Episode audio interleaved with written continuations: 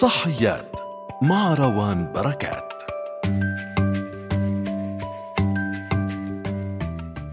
مرحبا أنا اسمي روان بركات ورح أكون معكم ببودكاست صحيات. بودكاست صحيات في موسمه الأول رح يتناول الصحة الجنسية والإنجابية للأسرة ولليافعين واليافعات بالآونة الأخيرة عم نسمع طول الوقت حول الصحة الجنسية والإنجابية بالمؤتمرات وبالندوات وبكتير محلات. وفي مؤسسات كتير عم تهتم بهذا الموضوع.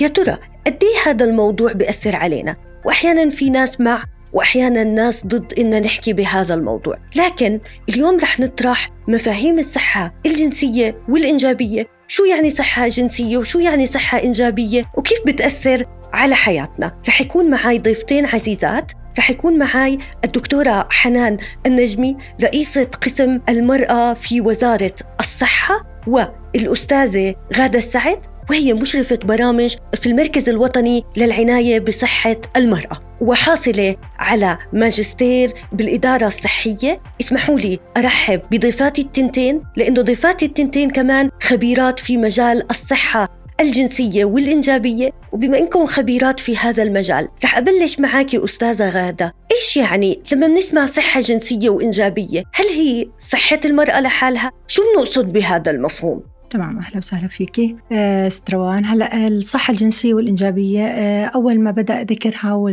وطرح مفهوم الصحة الجنسية والإنجابية في مؤتمر القاهرة للتنمية لتنمية السكان في سنة 1994 وهو حالة من الرفاه البدني والعقلي والاجتماعي آه، وليس فقط الخلو من الأمراض أو الإعاقات في الجهاز الإنجابي بالنسبة للرجل أو المرأة. هو يشمل الجهتين الرجل والمرأة والذكر والأنثى وليس فقط الصحة الإنجابية للمرأة فقط.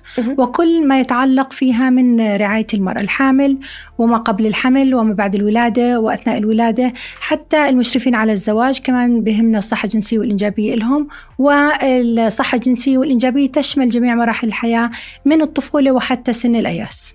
طب لما بنحكي عن خدمات أستاذة غادة إيش الخدمات اللي يفترض أن تكون توفر للمواطنين والمواطنات أو للناس بالعموم سواء كانوا إناث أو ذكور. شو الخدمات اللي لا بترافق الصحة الجنسية والإنجابية واللي لازم الدولة تقدمها والناس لازم تسأل عنها؟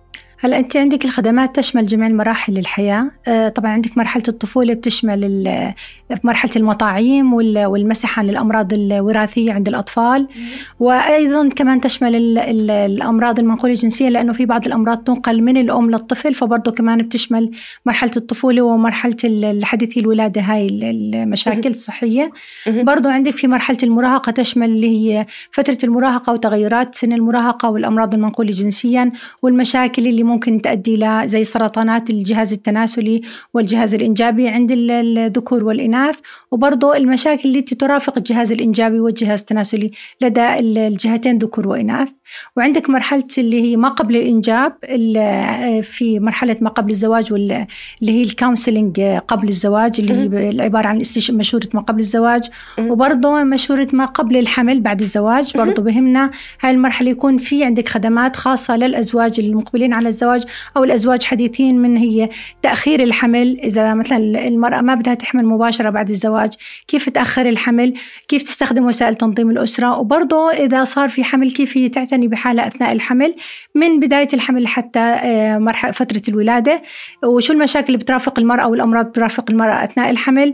برضه بتشمل فترة الولادة والمشاكل والمضاعفات أثناء الولادة. وما بعد الولادة كيف هي تعتني بحالها؟ وبرضه كيف تعتني بالطفل حديث الولادة والرضاعة الطبيعية وأهمية الرضاعة الطبيعية للمرأة وللطفل. وبعد ذلك اللي هي فترة المباعدة بين الأحمال كيف إنها تستخدم وسائل تنظيم الأسرة بالطرق المثلى والطرق الأنسب لها صحيا ولا لا حتى إنها هي كمان برضو تنمي الطفل وتربيه بطريقة صحية. وفترة ما بعد سن الإنجاب اللي هو سن الأياس برضو في عندك مشاكل ومضاعفات بتصير زي المسح عن سرطانات الجهاز الإنجابي. سرطان الثدي والمراقبة باستمرار والمسح باستمرار عن آه، هاي السرطانات. وفي حال اكتشاف هاي السرطانات طريقة علاجها بأسرع وقت.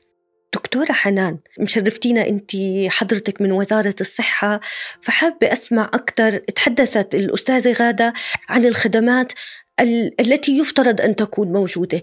بس بنحب نسمع شو وزارة الصحة شو الخدمات اللي بتقدمها. وإحنا فعلا من زمان بنسمع عن فكرة آه، الأموم مراكز الأمومة والطفولة المطاعيم. في خدمات كتير وزارة الصحة الأردنية بتقدمها. بس يا ريت يا دكتورة تخبرينا أكثر شو الخدمات اللي موجودة عنا وكيف ممكن نحصل عليها؟ لأنه في كتير ناس ما بيعرفوا إنه هذا الحكي موجود بوزارة الصحة. فممكن تعطينا هيك نبذة عن أهم الخدمات اللي بتقدموها وكيف ممكن نحصل عليها؟ آه، خدمات الأمومة والطفولة في مراكزنا الأمومة والطفولة المنتشرة في جميع أنحاء المملكة. الصراحة حوالي يمكن 500 مركز أمومة وطفولة منتشرة في جميع أنحاء المملكة. طبعا آه، بعض الخدمات اللي ذكرتهم أستاذة غادة تقدم في مراكز الأمومة والطفولة مثل خدمات الطفولة خدمات التطعيم خدمات الرضاعة الطبيعية خدمات ما قبل الحمل المشورة ما قبل مم. الحمل تقدم في مراكز الأمومة والطفولة خدمات رعاية الحامل خدمات اللي هي ال- طبعا الولادة تقدم في المستشفيات ولكنها ضمن عناصر الصحة الإنجابية. لكن في عنا خدمات ما بعد الولادة خدمات تنظيم الأسرة خدمات التحري عن العنف الأسري موجود عنا بمراكزنا وبملف الأم موجود. أي أم حامل أي أم تيجي في فترة ما بعد الولادة بتم الكشف المبكر على إذا عندها أي يعني علامات على أنه صار عليها عنف. ويتم التبليغ إذا أرادت طبعا إلى لجنة حماية الأسرة في المركز وأيضا الكشف المبكر عن سرطان الثدي. كتير مهم برضه في تقارير تصدر من مراكزنا بخصوص التحري عن سرطان الثدي. آه، هلأ في خدمات أخرى لا تقدم بالمركز الصحي مثل إيش مثلا؟ مثل إيش؟ لحالك دكتورة. آه طبعا أنا عارفة أنا يعني هذا الموضوع. هلأ بالنسبة لخدمات المراهقين والمراهقات الصراحة م. يعني ما تعطى بشكل مباشر في قسم الامومه والطفولة. يمكن هي تيجي الأم مع بنتها أو مع ابنها على مثلا طبيب الأسرة أو طبيب مثلا باطني ممكن هلأ في عنا صار توعية لأهالي اليافعين واليافعات في مراكز محددة. كتجربة مبدئية مع الجمعية الملكية للتوعية الصحية وبنعطيهم على خدمات الصحة الإنجابية للأهالي عسى على أساس يوعوا يعني اليافعين واليافعات عندهم بخصوص البلوغ بخصوص الزواج المبكر بخصوص أنماط الحياة الصحية بخصوص العنف الأسري كتير مواضيع لها علاقة بالصحة الإنجابية طبعا هاي بمراكز محددة مش بكل المراكز هلأ برضه مثلا الكشف المبكر على سرطان عنق الرحم مش متوفر عنا. بشكل زي الكشف المبكر عن سرطان الثدي لأنه أهمية هذا السرطان مش كتير قوية في الأردن أيضا بالنسبة لخدمات الع- العقم. خدمات العقم في المراكز الصحية لا يوجد. حتى يعني بدي أقول لك في مستشفيات وزارة الصحة مهم. الخدمة تقتصر على عمل بعض الفحوصات المخبرية المشورة آه، إعطاء بعض الأدوية والإبر ولكنها تحول للخدمات الطبية الملكية والقطاع الخاص. برضو أيضا بالنسبة ل خلينا أحكي الأمراض المنقولة جنسيا. يعني إحنا يمكن أنا لي فترة طويلة بالصحة يمكن صار مشروع اشتغلنا على هذا الموضوع خاصة بالسيدات اللي بيركبوا لوالب آه، كنا نتحرى إذا عندها أي التهاب. بالجهاز. التناسلي ويصير فحص هلأ يعني موجود لكن مش بالشكل الأمثل صراحة بحاجة شوي لدعم آه، بالنسبة برضو للاضطرابات النفسية اللي بتصير مع الأم مثلا ما بعد الولادة برضو بفترة الحمل بنشتغل عليها أكثر وأكثر حاليا في مراكز الأمومة والطفولة. لكن زي ما حكيت أنا يعني بقول إنه خدمات الأمومة والطفولة مجانية. وهذا إشي كتير حلو وفي سيدات ما بيعرفوا هذا الإشي. وهاي منتشرة ب 500 مركز. وكتير يعني إحنا خدماتنا بتقدم على أيدي كوادر مدربة إن كانوا قابلات أطباء عامين في أدلة إرشادية معتمدة في عنا يعني سلع مثلا زي وسائل تنظيم الأسرة. كلها تقدم مجاني للسيدة. يعني في القطاع الخاص كتير مكلف أكثر وإحنا زي ما بتعرفي يعني وزارة الصحة تسعى إلى منظومة التغطية الصحية الشاملة. بحلول 2030 وهي تعني إنه تقديم حزمة الخدمات الصحية لجميع المواطنين بعدالة ومساواة بدون تمييز حسب الجنس والعمر والفئة الاجتماعية والتأمين الصحي. وبرضه من ضمن هاي الخدمات اللي هي الخدمات الصحة الإنجابية اللي هي ضمن خدمات الرعاية الصحية الأولية. طبعا أنا كنت ضابط ارتباط لموضوع الصحة الإنجابية ويمكن عرضنا زي ما حكت الست غادة معظم العناصر وأضفناها لحزمة الخدمات الأساسية. وإن شاء الله أنها تقدم بأقل كلفة للمواطنين عندنا بالأردن بدون يعني وجود ضائقة مالية عليهم عند أخذ هاي الخدمة. فالحمد لله بوزارة الصحة يعني تقدم الخدمات الأساسية ونسعى لأنه تحسين نوعية تحسين الخدمات والوصول لأكثر فئات. بالضبط أكيد 100% طب لما بنحكي عن فئات آه، السؤال أستاذة غادة ودكتورة حنان ما تقييمكم بالنسبة لتقديم خدمات الصحة الجنسية والإنجابية للأشخاص ذوي الإعاقة آه، بالأردن بالعموم؟ سواء بالقطاع العام أو والخاص كيف عم بتشوفوا الخدمة عم تتقدم؟ أنتم برأيكم كيف ممكن نحسن منها؟ يعني أنا بصراحة يمكن هاي من ال- الجابس أو من الأشياء الفجوات اللي عندنا في مراكز الامومه والطفولة لأنه بصراحة أنا يعني من خلال خدمتي كمقدم خدمة في مراكز الامومه والطفولة يعني قليل قابلنا ناس أو سيدات آه، مثلا رجال في عندهم إعاقة لأنه ما في عندنا يمكن أدوات للتعامل معهم بشكل خاص. يعني بتمنى يعني من الجهات المسؤولة إنه حتى بالمجلس ذوي الإعاقة إنه نشتغل على هذا الموضوع موضوع أكثر وأكثر لأنه هاي الفئة مهمة كتير ولازم تقدم لها الخدمات آه، بشكل كامل زي أي فئة أخرى بدون التمييز. طبعا إحنا دائما بنقول الحق بالصحة الحق بعدم التمييز وإعطاء هاي الخدمة لجميع الفئات بغض النظر عن زي ما حكيت الجنس والعمر والحالة الزواجية والإعاقة. أستاذة غادة بتحبي تضيفي شيء؟ آه هلا أنا كتير كمان بهمني أضيف موضوع إنه الوعي للخدمات إنها هي موجودة حتى عند ذوي الإعاقة لأنه في كمان خدمات كتير مقدمة. نفسهم الأشخاص ذوي الإعاقة ما بيعرفوا إنها هي متوفرة أو موجودة ب- بالقطاع الصحي. فبرضه كمان رفع الوعي لوجود هاي الخدمات وإمكانية الوصول إلها. حتى في بعض ال- ال- المراكز صاروا يعملوا حتى مراكزهم مراكز صديقة لذوي الإعاقة. فهذا إشي كتير بصراحة حلو. كويس إنه إحنا نلاقيه في هلا كمان شغالين على المراكز صديقة للمرأة ومن ضمن ال- ال- الخدمات اللي هي الخدمات الصديقة لذوي الإعاقة. فهذا برضه إشي كتير كويس إنه إحنا نلاقي خدمات متوافرة متكاملة لكل فئات ال- المجتمع ولكل الفئات العمرية. فيها كل شيء ممكن إنه الواحد يوصل لها بسهولة متوفرة بطريقة كمان إما بأسعار رمزية أو مجانية. فهذا برضه كتير كويس إنه إحنا نلاقي هاي الخدمات متوفرة. شكرا.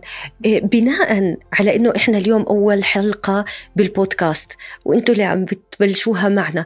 السؤال اللي بحب نركز عليه أو النقطة اللي بنحب نركز عليها ليش مهم نعرف عن صحتنا الجنسية والإنجابية؟ ليه مهم؟ هلا أنا ب- من ناحية الصحة الجنسية والإنجابية بعتبرها هي أساس بنعكس على صحة المرء وحياته بشكل عام لأنه هي أنا ب- بعتبرها جزء اساسي من صحة الأسرة لأنه هي بتشمل جميع فئات ال- ال- المجتمع وجميع الفئات العمرية وجميع أفراد الأسرة سواء كان طفل أو مراهق أو شاب أو ذكر أو أنثى أو أم أو أب فهي ما بتقتصر على فئة محددة. كانوا زمان يحكوا إنه هي صحة المرأة لكن فعليا هي صحة المجتمع كك- ككل مش بس صحة ال- المرأة. حتى في كثير مشاكل عم بيواجهها الرجل زيه زي المرأة ب- من ناحية الصحة الجنسية والإنجابية. ضروري كمان نسمع لهم لأنه إذا ما الشخص حد يسمع له رح يوصل لمراحل نفسية سيئة وبالتالي ممكن يعني تؤدي فيه لمشاكل أخرى ومضاعفات أخرى. فهي الصحة الجنسية والإنجابية شيء مهم وأساسي بصحة الأسرة بشكل عام وبشكل خاص بصحة الأم والأب اللي هم نفسه بنعكس على أفراد الأسرة. إذا كان الأم والأب واعيين لهاي ال- الأمور واعيين كيف إنهم يثقفوا ويفهموا أولادهم؟ شو اهميه الصحة الجنسية والإنجابية؟ بيطلع عندك مجتمع صحي واعي وفاهم شو له شو حقوقه شو واجباته بالنسبة للمجتمع. يعني أنا بقول إنه لازم يتمتع الأفراد كلهم إن كان مرأة رجل بحياة إنجابية بدون مشاكل إنجابية. ويستمتعوا بفترة الحمل يصير في عنا ولادة طفل سليم لأنه كل هذا بيساعد على حياة يعني نوعية الحياة تكون جيدة. وإحنا بهمنا يكونوا ال- العائلات سع- سعداء بحياتهم والعلاقة الزوجية والتكاثر بيناتهم والحياة الإنجابية السعيدة كله هذا منعكس على سعادة الأسرة. وبدي أحكي بس بس شغله مهمة يمكن حكتها الأستاذة غادة. يعني ادماج الرجل بخدمات الصحة الإنجابية كتير كتير مهم لأنه في عندهم بعض المشاكل بحاجة لحلول وأيضا بنحب إحنا ندمج الرجل بخدمات صحة المرأة. يعني بتنظيم الأسرة أنا دائما بقول يعني تنظيم الأسرة شراكة بين الرجل والمرأة. فيجب ان تكون التنين في جلسة المشورة مع بعض يقرروا مع سوا. حتى هو مفروض يكون داعمها بقرارات الصحة الإنجابية مثل مثلا الرضاعة الطبيعية مثل استخدام وسائل تنظيم الأسرة مثل زيارات الحمل كل ما كان معها يعني يدعم قراراتها ويدعم صحتها كل ما طلعنا بحياة سعيدة للعائلة والأسرة. بالنهاية بدنا نأكد على إنه الصحة الجنسية والإنجابية هي حق لكل شخص فينا وحلو إن نستمتع بهذا الحق بأفضل حال ولأنه أكيد رح ينعكس على صحة المجتمع بالعموم. استنونا بحلقات جديدة بودكاست صحيات لنتناول مواضيع جديدة بتخص الصحة الجنسية والإنجابية. إلى اللقاء في حلقة جديدة من صحيات. صحيات. مع روان بركات.